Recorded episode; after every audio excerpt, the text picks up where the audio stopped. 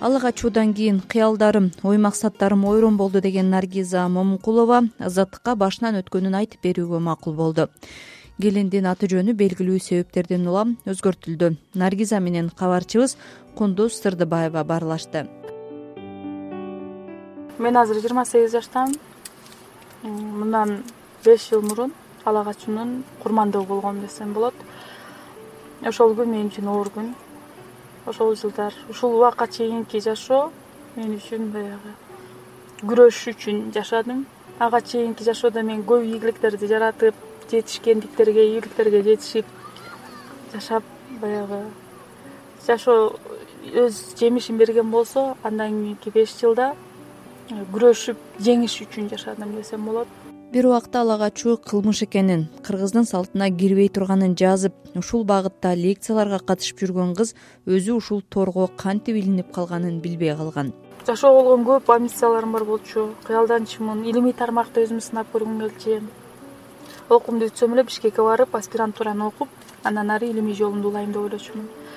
Мен орточо эле үй бүлөдө чоңойгом. Атам ошо таксовать этип иштечү мамам болсо үй кожо экеси анан биз беш бир тууганбыз мен төртүнчүсүмүн баарыбыз ошо жогорку билимди кылыш үчүн папам окутту бешинчи курсту бүтөр жылдары ошо бир курсташ балам бир досум деп бир баланы ээрчитип келип калды. Жумуш боюнча сүйлөшүп дипломдук иш жазат элек деп ушул жөнүндө экөөбүз сүйлөшүп калдык. Анан таанышып ал менин досум деди мен атын гана уктум бирок баягы келбети эсимде жок. Ошону менен күндө телефонума смс келчү бир үч күн жазды. Мен ушундаймын барып кеткем досум курсташың менен. Мен сизди жактырып калдым депчи анан баягы кызыгып калдым. Мен да бул эмне боло эле мен анын даже кебетесин да билбей калыптырмын депчи. Үч күндөн кийин эле жумуштан чыгып үйгө кетип баратсам жолдо мени ала качып кетишти.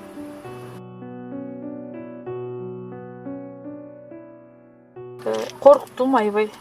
Силер адашып атасыңар дедим беш бала экен машинада. Анан сени ушундай ала качып баратабыз дешти тирүү калганыма деп мындай сүйүнүп да кеттим бир чети. Ооба ошол кезде караколдо ошо он экинчи жылдан он төртүнчү жылга чейин бир э, ала качуулар көп болуп муун өлгөндөр көп болду. Ушундай маалыматтарды бизге баягы лекцияларды окушчу ала качуу тууралуу мыйзамдарды окуп кетишчи атайын. Э, бул боюнча мен адабиятчы болгондон кийин тил баяндарды көбүрөөк жазчумун окуп берчүмүн туура эмес экенин бул ала качуу салт эмес кылмыш экендигин аялды басмырлоо экенин бул тууралуу көп тил баяндар жазчумун ошо жолдо баратып анан айттым эмнеге ала качып баратасың мындай акыл эсиң барбы? Сен экөөбүз бири бирибизди тааныбасак билбесек мен сени жакшы көрүп калдым. Мен сени сүйөм мен сени алам ошол сөздөрдү айтты анан ала качып барышты ошол жерден аялдар тосуп алышты. Баягыдай эле ала качууда дагы күч колдонгон сүйрөп кирип көчөгө алып кирип отургузуп ушул нерсе менде деле болду. Эң өкүндүргөнү мени аябай жаман таасир калтырганы бул ошол жердеги энелердин. Мендей эле алардын деле кыздары бар да. Жок жулмалап кол бутуңду ортуп жоолук салып биз деле ушинтип келгенбиз деп туура эмес жолго түртүп аткандагысын билбегендиги аябай өкүндүрдү. Менин күчүм жеткен жок. Ошол учурда мен телефонду жулуп чалдырбай ушинтип мындай жаман дөмө кылышты. Анан апамдар келишти.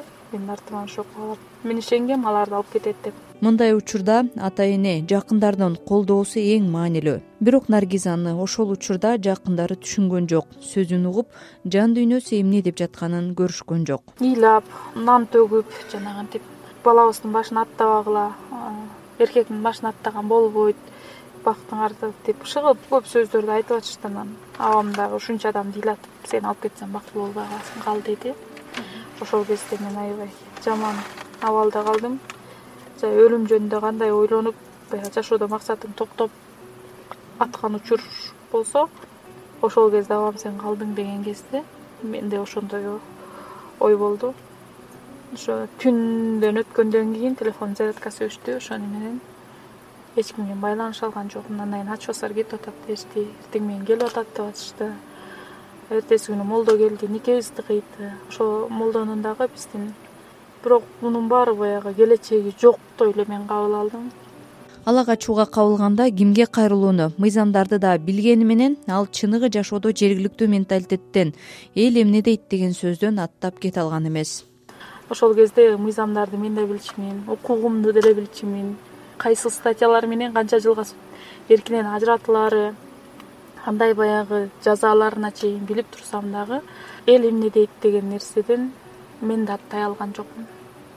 Ата энемдин баягы макул болуп куда сөөгүн кабыл алып эртеси күнү кайра кызыбыз кетти турмушка деп элге чай берген. Ошол учурда мен мамам менен байланыша алдык сүйлөшүп анан айттым мама мен баары бир жашай албайм бияка депчи мен кетем биякта болбойт жашоо.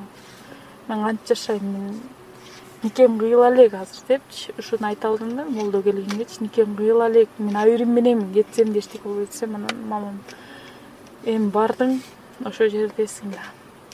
Бактылуу бол кызым биз элдерди чакырдык. Элдин баары сени күтпөөгө кетти деп келип атышат. Ачуу асарын кабыл алдык багың ачылсын деди ошону менен телефонду койду андан кийин сүйлөшө алган жок. Ошентип мен жашап калдым.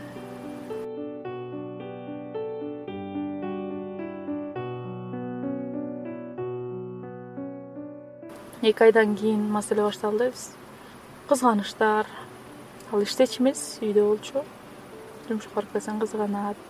Алты айдан кийин боюма бүттү ошол учурда мен аябай мынтип боюмда болбой калабы деп ушинтип мен да өзүм ушундай бир аябай чөгүп кеткем да.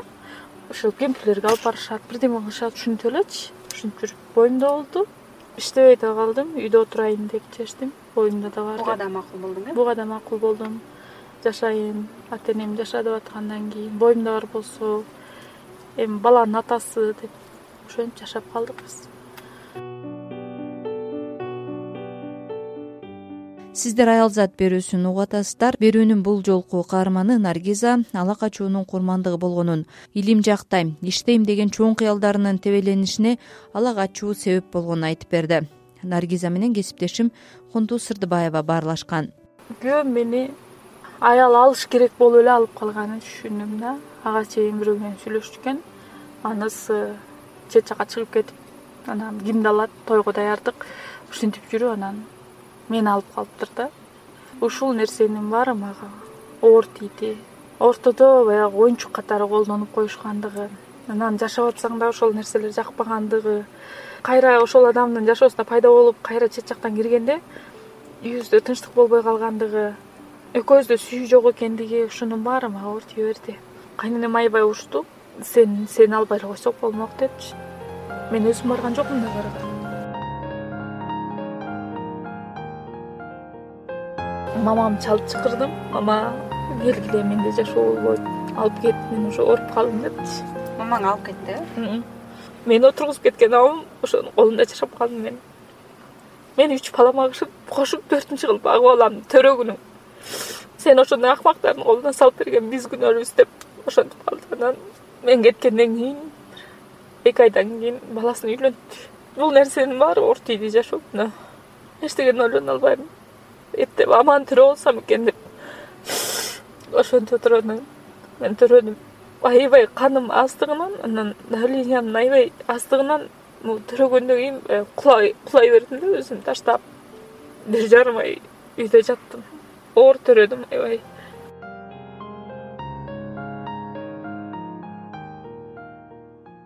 Мен товар сатуучу болуп иштедим.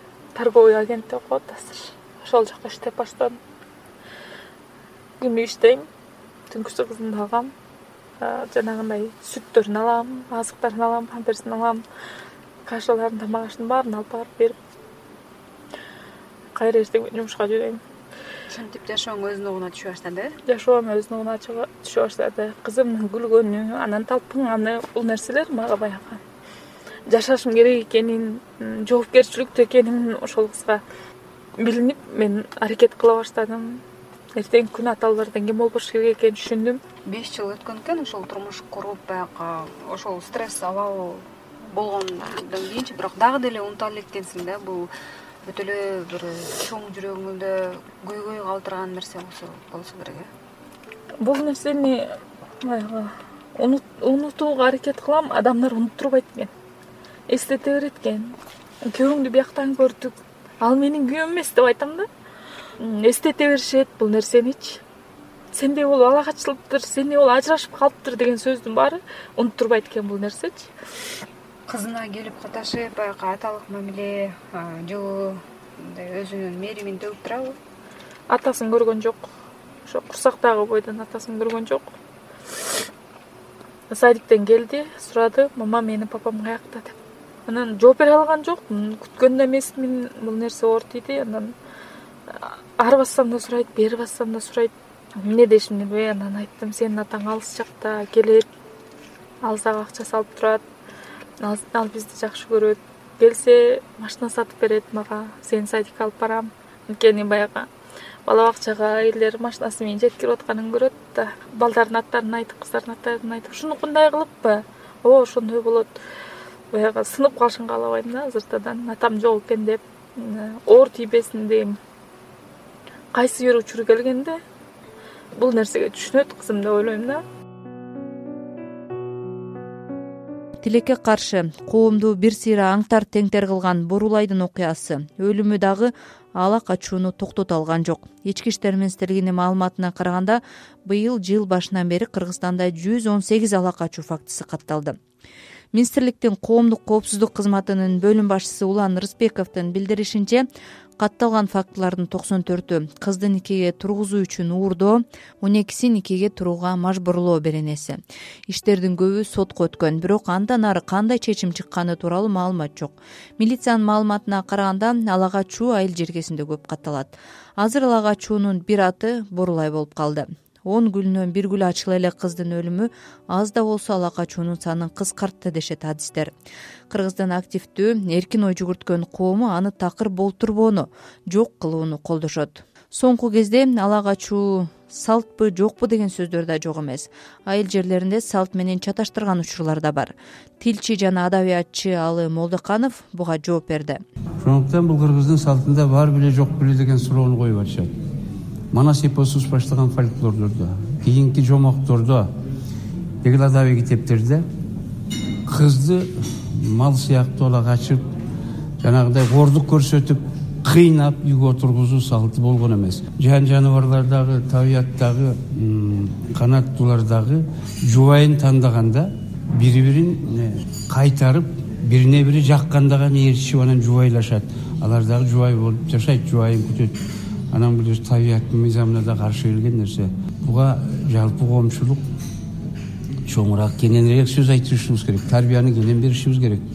Ар ким өзүнүн жубайын тандап ошого чыгыш керек. Билим берүү министрлигинин адиси гүлшан абдылдаеванын айтымында мурда онунчу он биринчи класстарга гана окутуулар өтсө азыр зомбулуктун алдын алуу максатында бешинчи класстан жогору сабактар милдеттүү өтүлө баштады. Кийинки келечектеги муундар ошондой мисалы бул бала кийин бул бир эле бала бойдон гана өсө бербейт да бул кийин келечек муун болуп кетет. Ошондуктан бул милдеттүү түрдө балдарга азыр түшүндүрүү иштерин жүргүзүш керек. Андан тышкары да эрте кош жанагы кыз ала качуу максатында ошолорду мисалы жокко чыгаруу негизинде кыздар өзүнүн укугун да билиш керек. Макаланын соңунда биздин каарман наргиза момункулова үйлөнөм деп турган жигиттерге жалпы коомго кайрылды. Кайрылат элем ушу балдар үйлөнө турган болсо ошол жоопкерчиликти алып атканын сезсе ошол адамга ошол үй бүлөгө баягы жетекчи болуп ошол жерде баягы өзүнүн мамлекетин түзүп жатканын билсе э, эртеңки күнү өзүнүн балдары болорун ошол балдарга камкордук менен э, баягы акча таап аларды багып жашап элге кошуш керек экендиги милдетти билсе деп. Анткени аялдар бул нерсени түшүнгөн менен баары бир аялдар алсыз. Бизде стереотип бар. Эркек биринчи орунда турары ошол үчүн биздин кыргыз коомчулугу ала качуу деген нерседен арылса бириккен улуттар уюмунун гендер боюнча соңку баяндамасында кыргызстанда үй бүлөлөрдүн жыйырма пайызы ала качуу жолу аркылуу курулары айтылган. Жаңы кабыл алынган жаза кодексине ылайык быйылдан тарта кыргызстанда ала качуу үчүн жаза күчөтүлгөн. Мыйзам боюнча кыз ала качкан адам беш жылдан он жылга чейин эркинен ажыратылат. Ал эми өспүрүм кызды мажбурлап никеге тургузгандар? Мындан сырткары эки жүз миң сом өлчөмүндө айыпка да жыгылат сиздер аялзат берүүсүн уктуңуздар берүүнү даярдап алып барган. Канымгүл элкеева жана кундуз сырдыбаева